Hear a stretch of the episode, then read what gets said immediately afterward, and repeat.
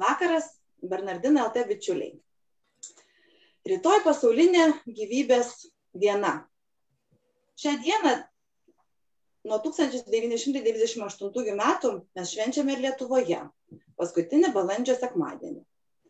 E, pasiūlyta ji buvo švęsti kardinolų konsistorijos dar 1991 metais. Bet e, išpopuliarėjo ši, ši šventė popiežiaus šventojo Jono Pauliaus antrojo dėka nuo 1995 metų. Koksgi šios dienos tikslas? Nu, turbūt galima būtų tai vardyti kaip paskatinti visuomenę susimastyti apie žmogaus gyvybės slėpinį, skirti daugiau dėmesio prasmiai ir vertai žmogaus gyvybės. Taigi šios dienos išvakarėse nutarėme pasikalbėti tokiu labai subtiliu klausimu apie krizinį neštumą. Apie reiškinį situaciją, kuri man regis labai panašiai yra į, šios, į šią dieną. Ir saulė, ir kruša, ir vėjas, ir lietus, ir vėl nurimsta, ir vėl pakyla. Taigi, kas tai yra? Mums šiandien padės sužinoti ir išsiaiškinti Kauno arkiviskupijos centro, šeimos centro krizinio neštumo koordinatorė Aušra Bačienė. Labas vakaras, Aušra. Labas vakaras. Vėliau prie mūsų pokalbio prisijungs ir savo istoriją papasakos Jurgita. Ir tik primenu klausytojams ir žiūrovams, kad galite klausti, galite komentuoti šios transliacijos metu mūsų Facebook paskyroje. Taigi, Aušra, Pradėkim gal nuo pačios pradžios ir išsiaiškinkime savokas. Tai kasgi yra tas krizinis neštumas? Ką šis terminas apibrėžia? Taip, pradedant kalbėti apie tai, kas yra krizinis neštumas. Pirmiausia, turbūt labai svarbu suprasti, kas yra iš aplamai neštumas, ar ne? Kokios jausmus įneša, kokius pokyčius į moters gyvenimą. E, neštumas tai yra toks tikrai laikotarpis, kai visos emocijos e, natūraliai labai užaštrėja. Kai moteris turi labiau didesnį poreikį pajausti paramą, dėmesį, rūpestį, taip pat e, moters kūnas susiduria su dėliu tokiu stresu, vyksta pokyčiai, hormoniniai pokyčiai, kartais moteris net net pažįsta tų savo nuotaikos kaitų. Čia juokiasi, čia verkia, ar ne? Ir, ir moteriai kyla tokia užduotis, aplamai visom besilaukiančiom turbūt, kuriuo, kuriuom neštumas nėra krizinis. Tai yra priimti neštumą, ar ne? Toliau e, kitas yra etapas, e, kai moteris pradeda jausti judesius. Tai yra gimsta tokie motiniški e, jausmai. Trečias etapas, tai yra labai natūra, natūralūs šitie etapai. Kai moteris ruošiasi gimdymui, kyla tikrai labai daug baimių, nerimo, e, nežinios, e, baimės, kartais mediko, e, skausmo. Taip pat pats gimdymo procesas šiame etape ir grįžimas namo. Tai yra tokie trys svarbūs natūralūs etapai, kurio, kuriuos praeina visos besilaukiančios moteris. Ir mm, visada e, neštumas, tiksliau tos emocijos susijusios su neštumu palengvėja ir atsiranda ramybė, kai neštumas priimamas. E, visiškai yra kita situacija, e, kai moteris šalia neštumo patiria eilę visokių e, sunkumų, problemų. Tai galbūt gali būti e, asmeninė santykių krizė. E, galbūt tai gali būti e, įvairios kitos psichosocialinės problemos. Tai jeigu taip apibendrintume, kad kas yra, neš, kas yra krizinis neštumas, tai kai lydi moterį neštumo etape eilę psichosocialinių problemų. Ir kai moteriai tenka išgyventi tiek asmeninės krizės, tiek santykių krizės. E, ir labai dažnai tuo metu tie būdai, kurie anksčiau tiko įveikti sunkumus, šiandien jie nebeveikia. Reikia ieškoti naujų būdų. O kokie tie būdai yra dar nežinia, nėra aišku. Tai čia reikia tokio, aš net labai iš šalies kartai žmogaus, iš šalies tokio peržiūrėjimo tos situacijos.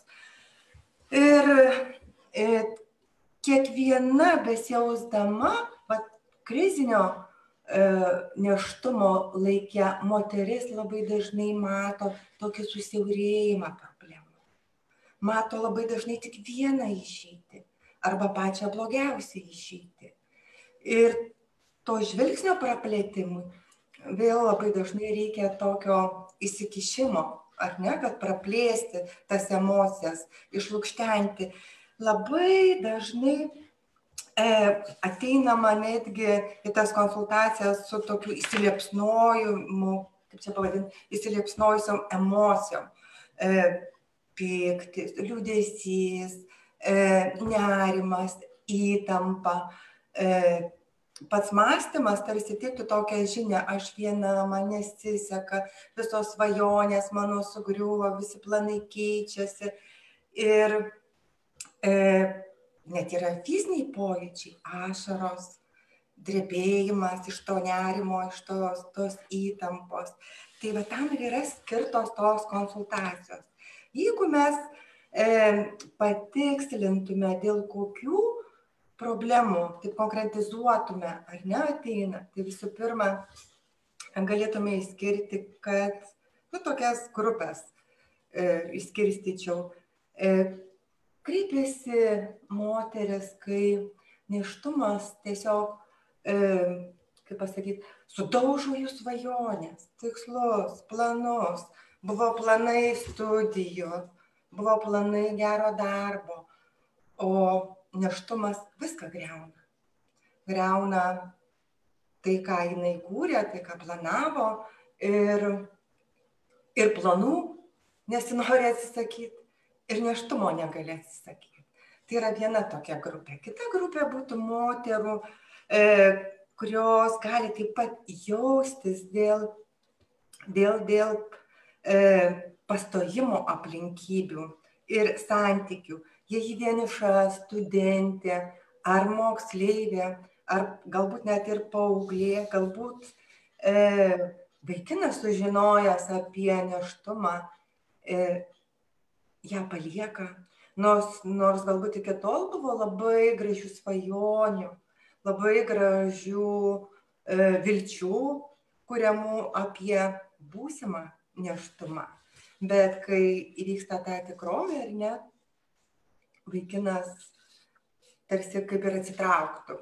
E, kitas būtų e, toks aspektas, kai sukeliama yra krizė neštumo metu, tai yra netikėtas neštumas. Tai nėra vienas iš pagrindinių tikrai, nes kartais planuotas neštumas tampa kriziniu neštumu. Nes įvyksta žmogaus gyvenime e, pokyčiai, moters gyvenime, skirybos, konfliktiniai santykiai. Ir atvirkščiai, netikėtas neštumas gali tapti mylimu, laukiamu, ir, ir su džiugesiu priemamu. Netikėtas neštumas yra tik mažas aspektas krizinio e, neštumo. Ir tai dažnai, e, kai kalbame apie neplanuotą ar netikėtą neštumą, mes labiau turbūt transliuojam, ištransliuojam apie norus, apie tai, kad turim stiprių stiprių emocijų. Tai yra, nori, tai yra mūsų stipraus emocijų rodikliai. Ir, ir kaip svarbu juos įgarsinti. Ir dažnai bekalbėdama moteris pati atranda sprendimus. Nereikia, e, žinot, yra toks mitas, kad e, reikia būtinai moteriai, e, kad moteris, kad besilaukiančias moteris, kurios išgyvena krizes, dėl neplanuoto neštumo, kažkokį patiria spaudimą.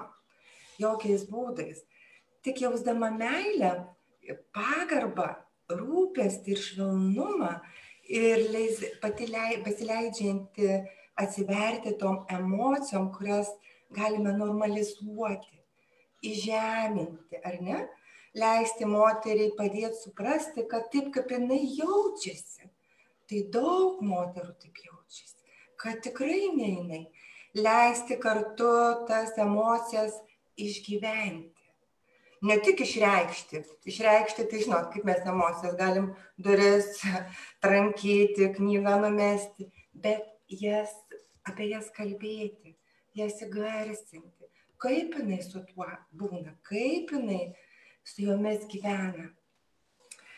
Taip, kitas būtų aspektas, dėl ko išgyvena moteris krizinį neštumą, tai yra konfliktiniai santykiai, tai yra skirybos arba atsiskirimas, kai moteris šalia neštumo dar turi išgyventi šitą netekti. Tai yra didelis krūvis, didelis krūvis moters visai tiek emociniai, tiek fiziniai sveikatai.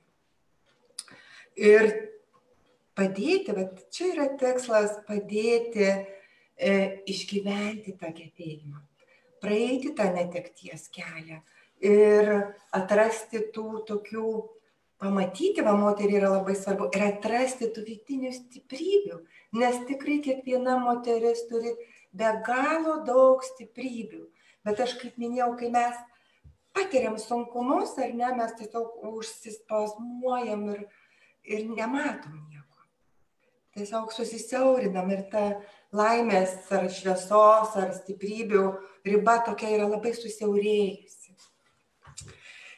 Taip, toliau E, dėl kokių dar dalykų išgyvenama. Tai yra dėl aplinkinių reakcijos, e, dėl moters amžiaus, dėl socialinės padėties, dėl vedybinio statuso. Dažnai moteris tarsi turi teisintis dėl neštumo, nes būna per jauna arba per sena, per daug vaikų, ar, ar laukia dar tik vieno, bet ne laiku, ar ne. Ir E, nepasiturinti arba priešingai jo tarsi socialinio sluoksnio moteriai, nu, kažkaip tarsi nepadaru turėti per daug vaikų, nu, nesižiūri. Taip, tai čia yra irgi toks stresas reikalaujantis iš moters tokio vidinio pasitikėjimo, e, e, vidinio pasitikėjimo ir tokio tvirtumo atstovėti. Jeigu moteris turi E, santykius stiprius šeimoje, iš vyro patiria palaikymą. Jeigu vyrai žinotų, kokie jie svarbus yra moteriai, bet tame laike, tai jie turbūt labai pradėtų rūpintis. Ir čia turbūt gal ir mūsų moterų yra atsakomybė kalbėti apie tai, nu, išsakyti tos poreikius, ar ne, ištransliuoti. Nes mes irgi kartais neiš, neištransliuojamų e, tikimės, kad vyrai mus nu, kažkaip supras iš mūsų nuotaikų, iš mūsų E, veiksmų kažkokių, be galo vyrai yra svarbu, nes jie taip pat yra pradėjėjai. Bet užsiminėt užra apie vyrus ir aš mm, norėjau paklausti dar tokio dalyko.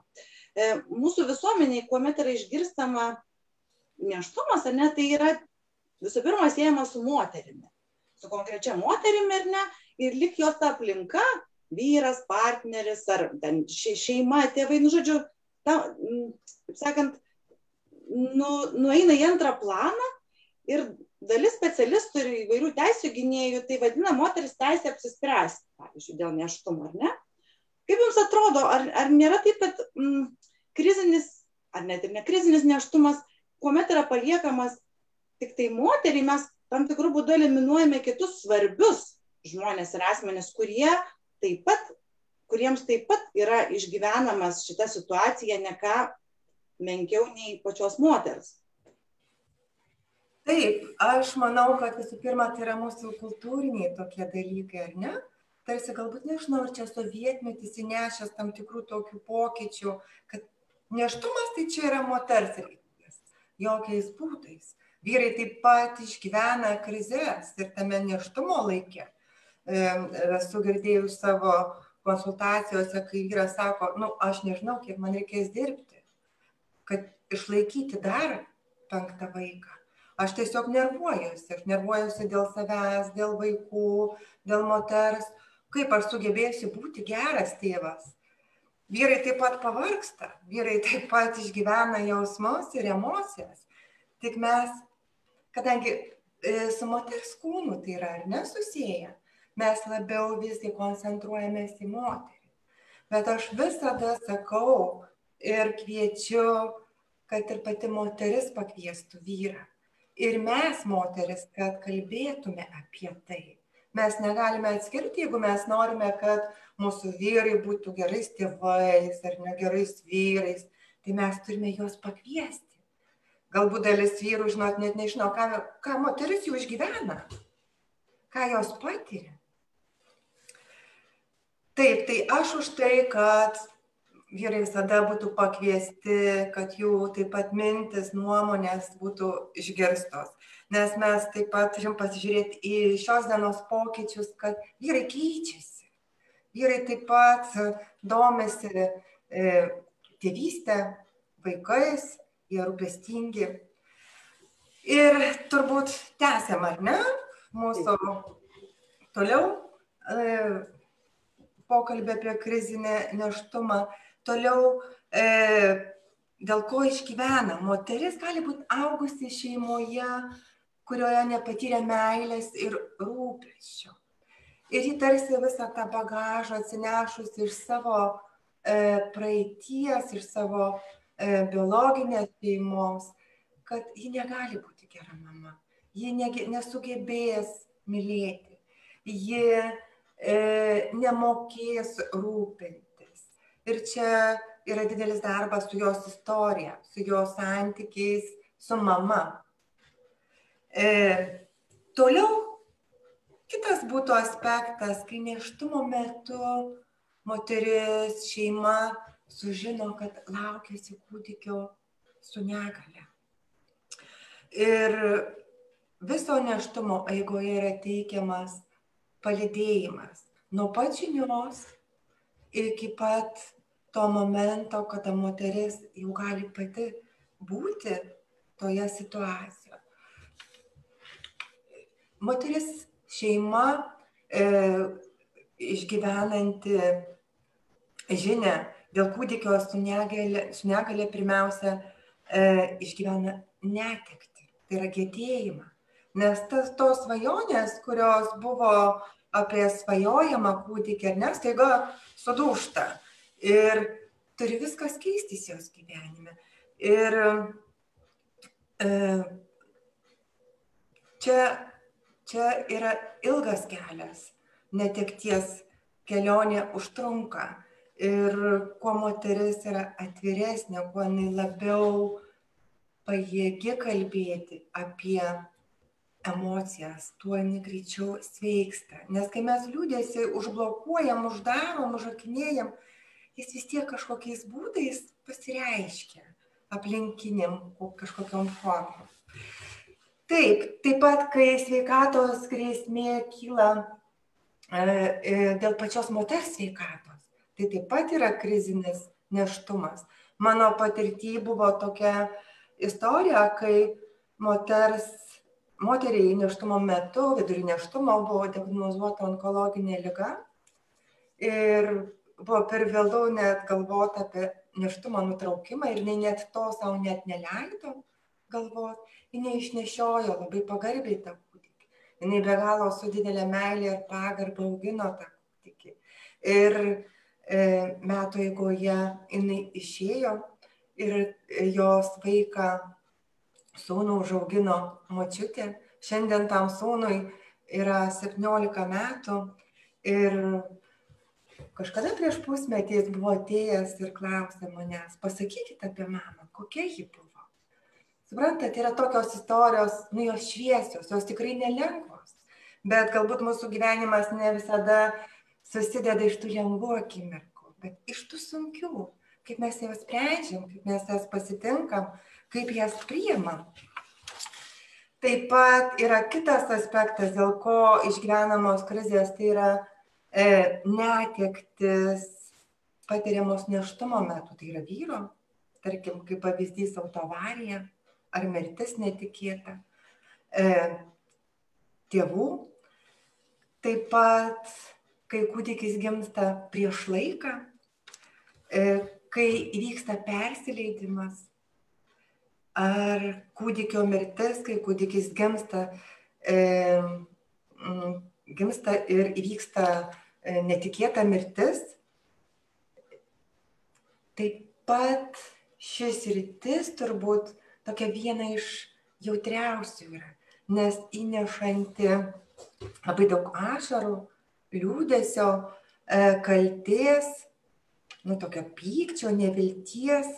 Ir kartais moteris e, ar šeima nešiojasi tą neišgėdėtą, neišjaustą liūdėsi eilę metų. Ir tai viena iš priežasčių turbūt, kodėl mes esame labai tokie pažeidžiami.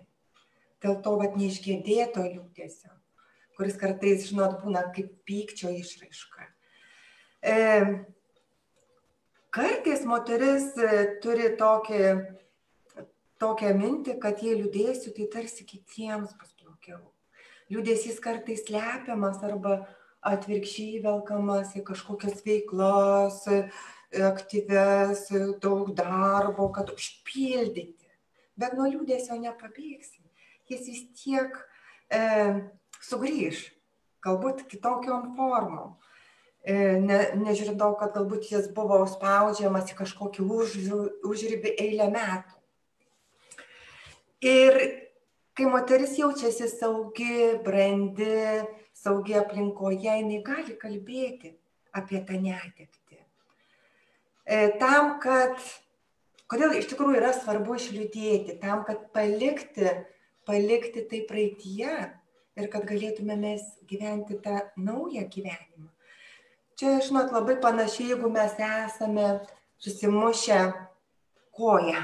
Fizinis skausmas mums visą laiką praneš, kad skauda, ar ne, aš nu negali judinti.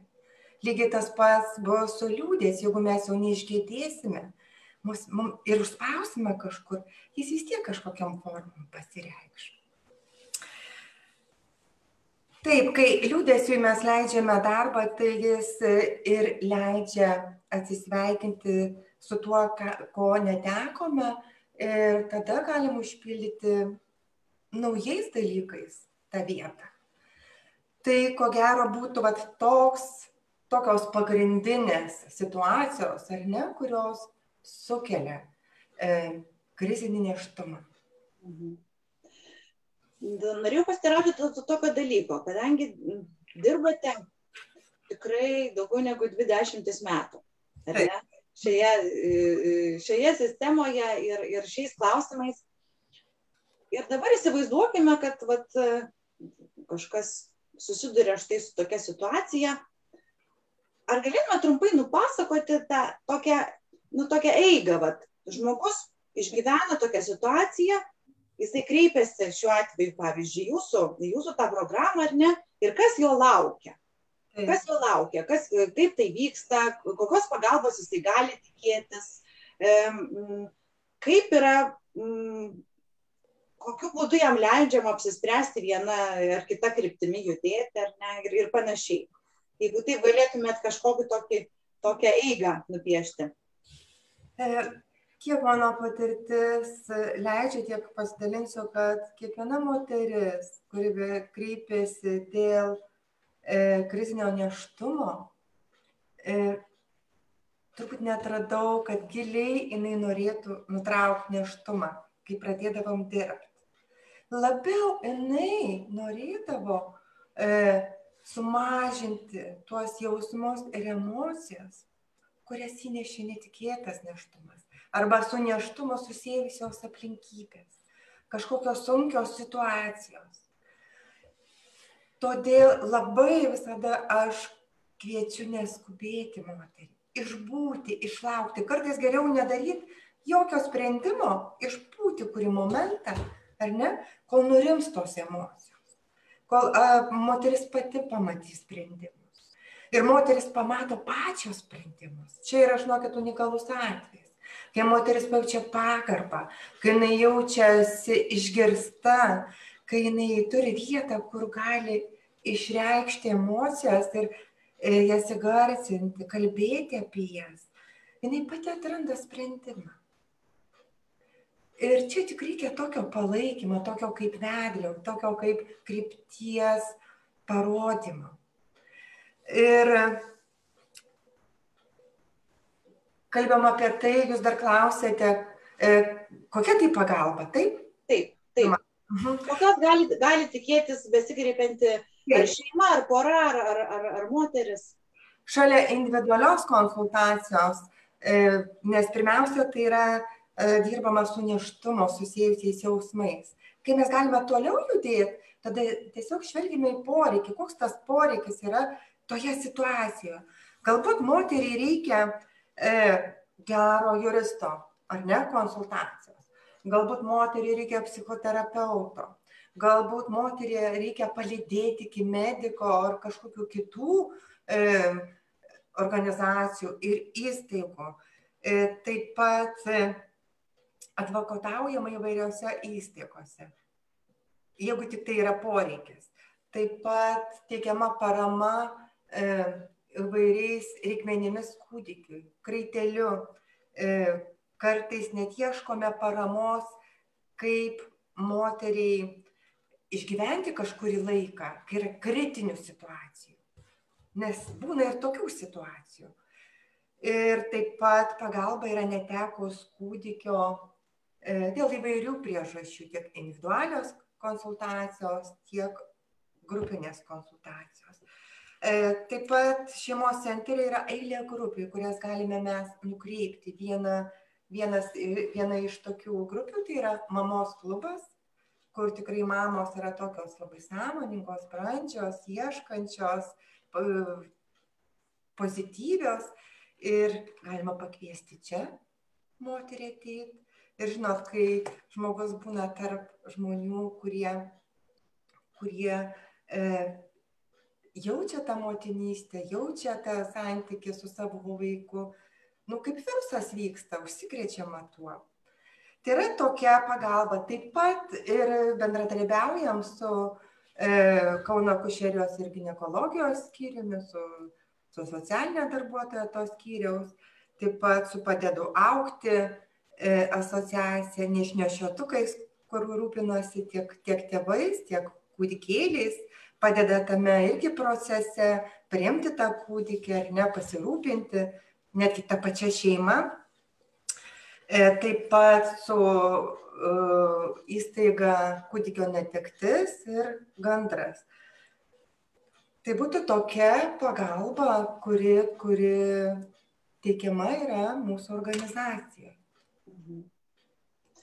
Dabar mm, jūs užsiminusi buvote e, ir apie įvairias situacijas, kuomet moteris ir, ir netenka kūdikio ar ne, ir, ir ar persileidimo atveju, ar, ar nutraukiamas neštumas. Ten yra programų tokių ar ne jūsų centre. Gal truputėlį porą sakinių apie tai galėtumėt papasakoti. Eilė, dirbant eilę metų, tiesiog išriškėjo, kad daugelis moterų E, šalia neštumo išgyvena dar ir sunkius, nes neštumas sukelia labai dažnai, ar ne, tas patirtis, tas skaudžias patirtis, tas netekčių, kūdikių patirtis, tiek persileidimo, tiek aborto e, išgyvenimas.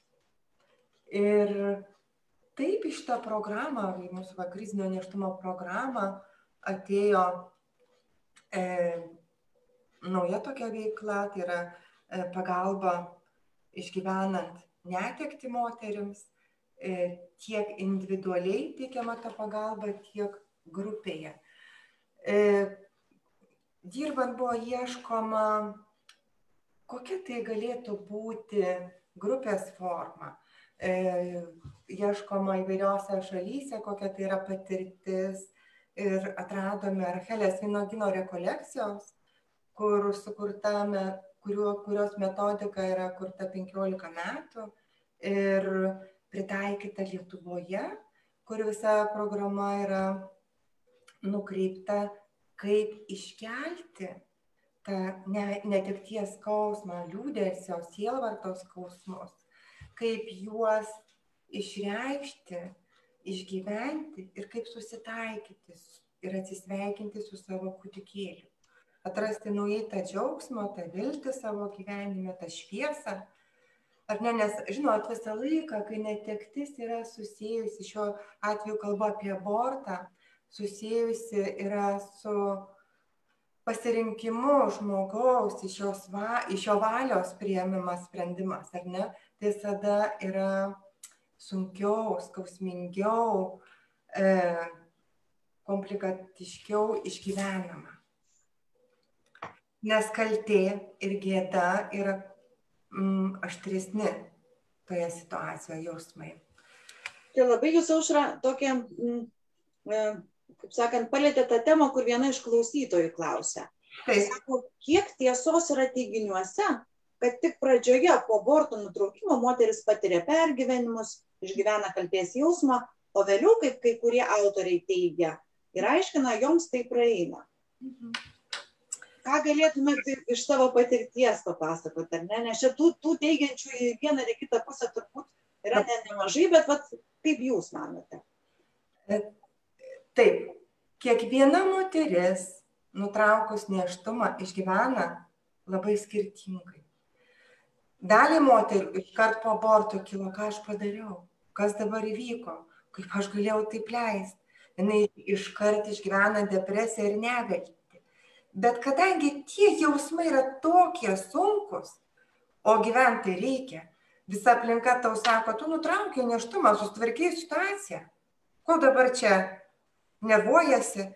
Jinai, moteris, priversta, kad išgyventi galėtų dirbti, rūpintis kitais ar ne, nustumti viską. Ir tik tada, kai jinai bus pasiruošusi ir atvira, leis tau iškėtėti. Daliai moterų po aborto ateina palengvėjimas. Tikrai ateina palengvėjimas. Bet ne todėl, kad nutraukė neštumą, bet todėl, kad yra nuraminti jausmais tuo netikėtų neštumų, netikėtą situaciją, su tom situacijom, kurios iškėlė E, neštumas jos gyvenimą. Bet nei viena moteris nepasako, kad aš esu laiminga. Labai dažnai būtent čia prasideda kita moters istorija, skausminga jos istorija, kaip mamos, kuri neteko savo vaiko dėl aborto, dėl jos vat, to pasirinkimo, iš tos nevilties iš to nusivylimo, iš galbūt palaikymo trūkimo ar nežinios. E, tai, ką išgyveno moteris, e, patirdama e, prieš pasirenkant abortą arba pasirinkdama abortą, tai visada rodo, kad jinai e, išgyvena skausmingą patirtį. Ir mes nei vienas negalime teisti ir smerkti jos, nes nei vienas nežinome, ką jos situacijoje išgyvena ką jos situacijai mes patirtume ir ką darytume. Bet mūsų yra pareiga padėti moteriai. Ir turbūt padėti kiekvienai besilaukiančiai moteriai, kad kuo mažiau jinai nueitų vat, tą kryptimį, į tą e, skausmą, į tą tokį susižalojimą ar ne savęs. Sakykit, prašom, čia dar vienas klausimas atskrėjęs iki mūsų yra, toksai. O ar kreipiasi jūsų programą vyrai?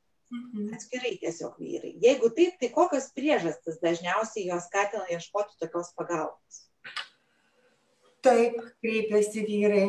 Yra buvę tokių e, situacijų, kai vyras kreipiasi ir sako, aš nenoriu nei neštumo, nei aborto aš mes kaip šeima esam patyrę abortą aš negaliu moteriai leisti abortą darytis bet mes tiesiog nebesusitvarkome. Tai pirmiausia mes su vyru dirbame kad jie paskiau kartu galėtų dirbti su tą situaciją taip pat vyrai kreipiasi kaip padėti moteriai nėštumo metu nes jos besikeičiančios nuotaikos, jausmai, emocijos, jiems irgi kelia įtampą ir nežinia, kaip būti su tuo, kaip padėti savo moteriai, kaip jam elgtis vienoje ar kitoje situacijoje. Taip pat kreipiasi vyrai, kai žino, kad jo, jo moteris ketina nutraukti neštumą ir jis šioje situacijoje jaučiasi bejėgis, nes jis nu nieko negali įtakoti, nieko padaryti, jo kaip ir atsakomybės nėra, ar ne? Nes nu, moteris priema sprendimą tai jis kaip žinot kaip kokia gaisrinė skambina ir sako padėkit darykit kažką nu, padėkit man susigaudyti kas vyksta. Tai yra vat tokios situacijos e, su kuriuom susiduriu taip pat vyrai išgyvena ir netekti kai kai jų šeimoje gimsta kūdikis su negalia jie kartu su moterim praeina tą gedėjimo kelią. Ir mokosi priimti ir pamilti tą vaikelį kitokį, labai kitokį, kartais labai su sunkiom negaliam. Ir, ir labai dažnai tos sunkios situacijos sustiprina santykius, poros santykius, arba atvirkščiai. Mhm. Norėjau paklausti dar tokio dalyko. Mm. Kaip randate arba kaip kalbatės su tomis moterimis ar tomis šeimomis, kurios, sakykime, gyvybę, gyvybę vertina ne nuo pradėjimo momento ar netraktuoja, o, pažiūrėjau, nuo gimimo momento. Mhm. Kaip rasti, kaip rasti tokį būdą susikalbėti su skirtingų tokių net ir pažiūrų žmonėmis. Mhm. Vėlgi, nei kalbinėjant, ne kažko ten ten mokant ar ne, bet kaip sekasi susikalbėti va, su, su, su, su tais, kurie kuriems tas gyvybės išsaugojimas netrodo ne tai, kad svarbus, tiesiog kažkaip jis traktuojamas, kad va, gyvybė svarbi, kai gimsta, va tada ir gyvybė, ne tada gyvas žmogus. Jeigu tai kalbėtume apie klientų grupės, ar ne, tai e, kai moteris kreipiasi, išgyvendama sumaišti, e, stresą, sunkes emocijas, nėštumo etape žmonių pažiūros netu, nebeturi įtakos. Yra didžiausias tikslas, vat, kaip susitvarkyti ir atrasti ramybę. Kažkaip dinksta, nežiūrint to, kad aplinkui mes girdime ar ne visokiausius argumentus, lozungus, ar ne, kad, nu, e, kad turi moteris rinktis ten tik tai būtent tokį kelią, toj situacijoje ir ne kitokį, kad tokioj situacijoj moteris negali gimdyti, nes tada e, e, bus tikrai blogai. Bet kad jai gali būti dar sudėtingiau, nutraukus neštumą, bet šitą žinią reikia pasakyti. E, labai dažnai e, nežino, kas gali būti. Ir jokiais būdais mes negalim daryti jokios bet koks spaudimas arba primetimas iškart pasipriešinimą sukelia. E, pirmiausia, tai yra didžiausias darbas tom emocijom, kurio, kurios sukelia sumaišti, o ne su pažiūrom. Aš tik tiek galiu pasakyti. Mhm, ačiū. Ir dabar, man atrodo, būtų pats laikas pasikviesti Jurgitą prisijungti prie mūsų pokalbio, kad mūsų visą užrą netrodytumėm labai teoretiškai čia besišnekančios ar ne. Labai ačiū, Virgita, kad, kad, kad sutikote, sutikote mm, papasakoti savo istoriją. Tai dabar prašyčiau, prašyčiau jūsų. Labas vakaras, aš esu Jurgita, man šiuo metu yra 35 metai, santokoj netrukus būsim 8 metai ir auginame tris vaikus. Ir būtent mūsų trečiojo vaiko ateimas buvo labai didelis išbandymas mano gyvenime ir apie tai norėjau šiandien pasidalinti. Kai žinojau, kad laukiasi trečią kartą, tuo metu auginau du pametinukus, kurie abu du buvo pampersuose. Buvau daugiau nei trys metai namie ir buvau klaikiai pavargusi. Tuo metu žindžiau savo antrą vaiką. Antrą vaiką pagimdžiau prieš laiką nuo hipertenzijos. nes kraujospūdis nebelaikė. Jau ir turėjo gimti anksčiau. Mažiausiai, ko norėjau, dar daugiau nemiegoti, dar daugiau pavargti, dar daugiau netekti jėgų, o kad savęs neturiu, jau seniai jaučiausi taip, kad manęs tai apskritai nėra kaip asmens. Nes užmiegi vos tik užmiega vaikas. Skauda nugarą, nespėji, tai vienas nevalgo, tai kitas ten dar nekalba ir dabar supranti, kad bus dar. Aš daug verkiau, aš labai bijojau, aš nenorėjau. Aš buvau tikra, kad aš nesusitvarkysiu. Nors vyras mano mėgino padėti tiek, kiek gali dirbantis vyras, išlaikantis šeimą su dviem vaikais padėti, jisai darė viską, ką gali. Aš galvojau, kad aš tai toliau negaliu. Ir tada susidūriau su dviem dideliais rūpeščiais. Pirmiausia, su nuovargiu ir bijojimu, kad nu, aš daugiau nebegaliu, aš kokia aš būsiu mama, jeigu aš su šitais dviem vos spėju ir antra aš pradėjau jausti didelę kaltę kad aš bijau šito trečio vaiko aš jutau labai didelę kaltę kad jo bijau nes aš buvau žmogus pravedęs šimtus susitikimų jaunimui apie gyvybę ir kokia ji yra graži ir kad žmogaus gyvybė yra nuo prasidėjimo momento.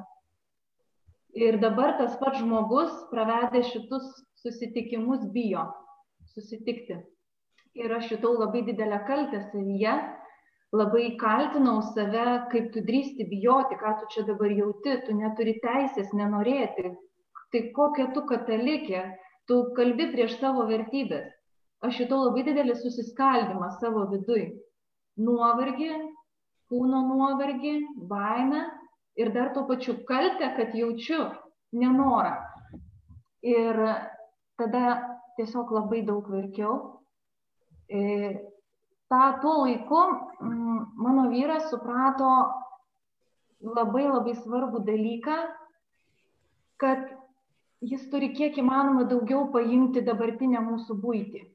Nes e, ir jisai ką padarė, tai jisai dirbo, nežinau jau kiek valandų per parą, nes po 8 valandų darbo darbe jo laukia dar daug valandų darbo namie, bet tam, kad jisai tiesiog sakė, išeik aplink namą bent jau. Aš užmigdysiu, tu pasėdėk. E, jisai manęs neteisė, jisai leido man verkti ir bet tuo pačiu jis irgi nežinojo, ką pasakyti ir ką jis turi padaryti. Tai tiesiog instinktyviai e, bandė nuimti, kiek tik gali, dviejų mažų vaikų krūvį, kad aš pajausčiau, kad na, mes susitvarkom, kad mes dviese, kad mes susitvarkom, bet aš vis tiek labai verkiau, aš labai bijojau tos hipertenzijos, aš galvojau, ką dabar daryti su žindimu. Ir tada aš išdrįsau kreiptis pagalbos, išdrįsau kreiptis į krizinio neštumo programą. E, man jau nebuvo svarbu kaip aš atrodysiu, kaip aš čia ką tik kalbėjusi už gyvybę, dabar ateinu prašyti pagalbos, nes man sunku priimti gyvybę. Ta karūna neberūpėjo, per daug skaudėjo. Ir kadangi aš turėjau laimę e, pažinoti šeimos centro kolektyvą, aš žinojau, kad nenuteis. Va čia tu pagalbos atėjai, tu. Aš žinojau, kad aš galiu ir ir aš tada kreipiausi ir atėjau į konsultacijas ir labai daug kalbėjau. Labai daug kalbėjau, kaip aš bijau. Ir nuo to kalbėjimo, kaip bijau, tas bijau po truputį traukiasi. Kažkaip kalbi ir po truputį lengvėja. Kalbi ir po truputį žinot, kas nuostabu, kai kalbi, supranti, kad, nu, aš tai vis tik esu. Aš neištirpau būtyje, aš va čia konsultacijoje esu svarbi. Dabar mes esam apie mane, mes esam apie tai, kaip aš jaučiuosi. Ir tas buvimas santykyje, kuriame aš esu svarbi, tokia kokia esu, su visom savo baimėm, man padėjo stiprėti. Nėra, nereikia bijoti, kad aš ištirpsiu, nes aš galėjau pabūti su savimi, galėjau išsibijoti, išsidalinti kas mane neramina. Galėjau kalbėti apie savo vaikus ir po truputį pastebėti, kad o tą ir tą jau padariau, o tą ir tą jau vis tik įveikiau. Kad, nes iš tikrųjų mąstymas jisai labai labai užsidaro. Ir tuo metu tiesiog bijai, man prasidėjo tachikardija. Aš jau pradėjau bijoti, kad hipertenzija mane ištiks nežinau nuo kurio neštumo momento.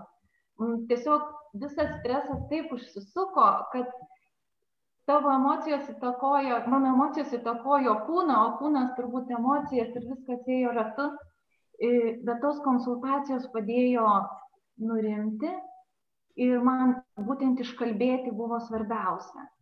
Būti išgirstai, pajusti, kad aš esu, kad aš žinau, ką daryti, kad aš žinau, kaip spręsti vieną ar kitą situaciją ir dėl to esu labai dėkinga ir šiam momentui.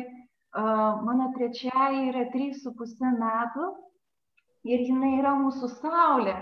Jinai, aš nežinau, ar gali būti gyvenimas be jos. Ir jinai į pasaulį iš tikrųjų atėjo labai lengvai. Manęs neištiko jokia hipertenzija. Aš labai sklandžiai ją pagimdžiau ir greitai pagimdžiau. Ir nežinau, dabar tai mūsų yra trys turtai, saulės spinduliai mūsų ir nu, viskas dabar yra labai gera ir jaučiu didelį džiaugsmą ir dėkingumą už galimybę kažkada atsiremti. Nes būtų labai gaila, jeigu šiandien nebūtų taip gera, kaip dabar yra. Ir kitą aš klausausi jūsų šitos gražios istorijos ir mm, man įdomu toks vat, paprastas dalykas o kiek laiko e, truko ta pagalba, kurios jums reikėjo, ar ne? Nes žmonėms kartais atrodo, viena, vieniems atrodo, kad galbūt tai yra ar programa, ar, ar tai, kad kas trunka labai ilgą laiką ir čia ir mes to laiko neturim, arba jo bus per ilgai, arba kitas sako, tai gal tada užteks poros kartų pasikalbės ir viskas susitvarkys. Tai va iš jūsų patirties, kiek jums reikėjo tos pagalbos tokios, kad jūs, kad jūs ir nusiramintumėt ir, ir, ir kažkaip sugrįžtumėt į save ir vėl pajustumėt tokį, tą stiprybę, tvirtybę savyje? Žinokit, manau, kad apie du mėnesius. Aš lankiausi kartą į savaitę ir manau, kad tai truko apie du mėnesius, e, bet aš sulaukiau aušos skambučio ir vėliau, ir netgi gimus dukrytei, tiesiog to, to tokio pat palydėjimo, o kaip tu laikaisi nes žinot kaip būna kai gimsta vaikas vat nu sveikina vaiką džiaugiasi vaiku o aušra iš karto taip vat o kaip tu? O kaip tu pati dabar? Tai tas vat nu taip gera kai nu vat pats esi irgi tas toks svarbus ir prisimenamas o kaip tavo jausmai kaip tu dabar? Pati pradžia tai būtent porą mėnesių manau kad truko tai buvo pirmas nėštumo trimestras. Mhm tai irgi turbūt, taip sakant, labai smagu, kad jūs išdrysote ir, ir, ir savęs daugiau nebekankinate toje būsenoje, ar ne? Taip. Bet pirmiausia, aš taip galvoju, kad kiek daug moterų nežino, kad jos gali kreiptis pagalbos, kad jos gali paskambinti. Kad nu, man buvo labai gerai, kad aš žinojau, kur, man tik tai reikėjo nusimti karūną. Bet vat, dar kitiem reikia tiesiog žinoti, kad yra tokia vieta, kad yra tokia konsultacija, kad nu, gali eiti. Tai va, tas yra labai svarbu. Taip. Nužiūrim, ar, ar, ar klausytojai mūsų dabar dar kokių klausimų ne. Visi dėmiai klausosi ir niekas nedrįsta kažko paklausti. Tai aš dar gal prie, prie aušros sugrįžčiau. Aušra, žiūrėkit, kai dirbate daug, daug, daug metų, Ir dabar, jeigu pažvelgtumėt tokiu e, žvilgsniu iš viršaus, kaip šito klausimo situacija Lietuvoje kinta iš jūsų patirties, ar ne? Ar, ar besikreipiančių skaičius auga, ar, sakykime, ar amžius kinta, gal anksčiau buvo vienokio amžiaus moterų daugiau, dabar kitokių, gal anksčiau pavienio, dabar šeimų. Tai, žodžiu, kaip jūs galėtumėte tokių truputėlį kažkokių pasidalymų besikeičiančios situacijos per kelis dešimtmečius su šita programa? E, žinoma, kad taip, vyksta procesas, vyksta dinamikos toks procesas kai tik pačioj pradžioj atėjau dirbti, tai buvo mažas projektėlis, skirtas labiau orientuotas paauglėm, ar ne, ir mes laukiam, laukiam tų paauglių, ir aišku, jos neateina. Tada mūsų su kolegė buvo tikslas kuo daugiau skleisti tą informaciją per įvairias mokslo įstaigas, gydymo įstaigas, e, mesgiam kontaktus su įvairių sričių specialistais. Ir po truputį pradėjo kreiptis moteris, kurios brandžios moterys, kurios išgyvena būtent konfliktinius, tokius vidinius e, neštumo, konfliktinės situacijas neštumo metu. Ir nuolat buvo toks pokytis ir ieškojimas, nu kas čia galėtų būti, kokia ta pagalba, ar ne? Nes tai toks kaip tyrimas, tarkim, kokius penketą metų vyko. E, buvo buvau išvykusi ir ir į Vokietiją, ir iš Anglijos turėjau tokios mokomosios patirties, bet tai, kas tinka tose šalyse, tuo metu visiškai netiko pas mus. Pas mus buvo labai ne, baisu ir nedrasu ateiti pagalbos. Tiesiog buvo stebima, ar kad kas tik nepamatytų. Tai čia buvo tokia pradžia. Buvo be galo nesaugu. Tuo tarpu E, kitose šalyse žmonės jau labai buvo sąmoningi ir patys ieškodavo pagalbos. Tai čia turėjo, žinot, per, per tiek metų turėjo e, kurtis pasitikėjimo kultūrą, e, turėjo kurtis tradicijos, va, tas testinumas ir pastovumas. Ir šiandien tai ateina ta pati tokia, žinot, veiksmingiausia informacija iš lūpų į lūpas. E, taip pat, e, aš jau kaip minėjau, kad dirbant su besilaukiančiom, labai dažnai e, išriškėdavo toks skausmas nepažintas e, ir visą laiką keldavo klausimus, kas tai gali būti. O po to skausmų dažniausiai slėpėsi tos netektis, tie kūdikių praradimai. Kartais moteris po penkis ir aštuonis persileidimus yra turėjusios ir tada buvo ieškoma ta pagalba, kaip su netektim dirbti. Nes, e, žinot, netekties išgyvenimas yra svarbus tuo, kad moteris galėtų atstatyti savo motinystę, vyras savo tėvystę, ar ne, savo moteriškumą, savo tėviškumą ir išgyventame santykį su esamais vaikais nu, kad tą pilnatvę išgyvent. Tai ir vat, toks vat, buvo nu, tokia dinamika. Buvo. Šiuo metu tai yra nusistovėję, žinoma, e, esant vienokiams ar kitokiams poreikiams, tai yra e, nu, kuriama ir papildoma veikla. Buvo toks etapas, kai labai daug paauglių nešių buvo, tai tiesiog organizavom grupę, ėjom į E, Kauno akademinė klinikų akušerijos ir gynekologijos skyrių, ten mums akušerės leido į gimdymo skyrių, nueiti pabūtom, paaugliam prisipratinti. E, taip pat buvo toks etapas, kai e, susirinko labai tokių žingeidžių moterų ir kūrėm projektą, kaip tiesiog e, užimti jas ar ne, jam kartu į teatrą, buvo toks pat laikas nu visokių tokių gražių turėjome veiklų. Kiekvienas etapas atneša nu, ieškojimų. Mhm, mhm. O jūs galėtumėt kažkokiu skaičiu įvardyti, nes vėlgi visai būtų įdomu, kiek kreipiasi, nežinau, per metus, ar ten per, per keletą metų, ar ten per dešimtmetį, jeigu turite tokios statistikos po ranka. Tai, tai pradėsiu turbūt e, nuo amžiaus. E, amžius yra toks, pats jauniausia esu turėjusi 13 metų ir jeigu kalbant apie neštumo krizės, tai 45 metų. Jeigu kalbėtume apie netektis, tai yra tikrai, nu, praplėsti galime amžiaus, tai yra 60 metų moterų, o statistika į metus apie 100 moterų, kur va, tai yra palydėjimas, tiek, tiek neštumo situacijose, netekčių situacijose ar konfliktinių santykių situacijose. Mhm. Nu kągi, ta valanda sukosi, sukosi ir, ir jau artėja į pabaigą, tai e, gal tokį po paskutinį, kaip čia pasakyti, tokį palidėjimą ar palinkėjimą tiek klausantiems, e, tiek kuriems šita tema yra įdomi ir aktuali, o tiek ir kažkada jeigu kas nors klausysis šio pokalbio jau mūsų, mūsų tinklalaidėje, tai ką, ko norėtumėt palinkėti šią dieną mūsų klausytojams ir visiems, kuriems e, tai gali būti aktualu. Tai gal ir kita, nuo jūsų galėtume pradėti. Aš tai gal noriu palinkėti tai, kas man buvo sunkiausia, bet ir svarbiausia, tai yra išdrysti jausti. Ačiū. Aušrelė, jūs?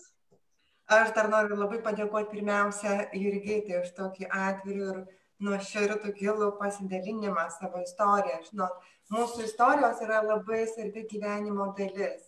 Aš noriu pakviesti e, visus, kad mes leistume savo išgyventi tą savo gyvenimo istorijas, ar ne? Nu, išdrysti ieškoti pagalbos. E, ir suprasti, kad tai, ką jaučiame, tokiuose sunkiuose situacijose yra normalu. Tai dauguma mūsų jaučia. Ir taip pat noriu pakviesti vyrus, kad jie bet, pajaustų tą, kokia jų svarba, kokia jų vyriška jėga yra, kiek jie daug gali tose situacijose, kad jų moteris, jų šeima būtų, džiaugtųsi, ar ne, atgytų tai tiesiog noriu visiems tos pilnatvės palinkėti, tos tikros gyvybės, to tikro džiugesio.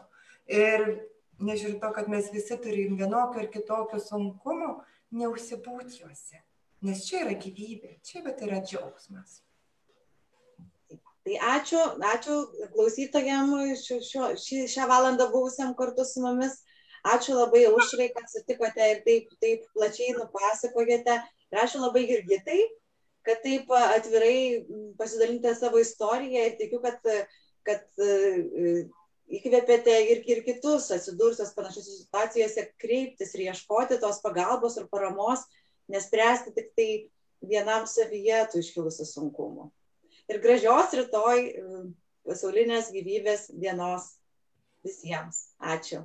Sudie. Sudie.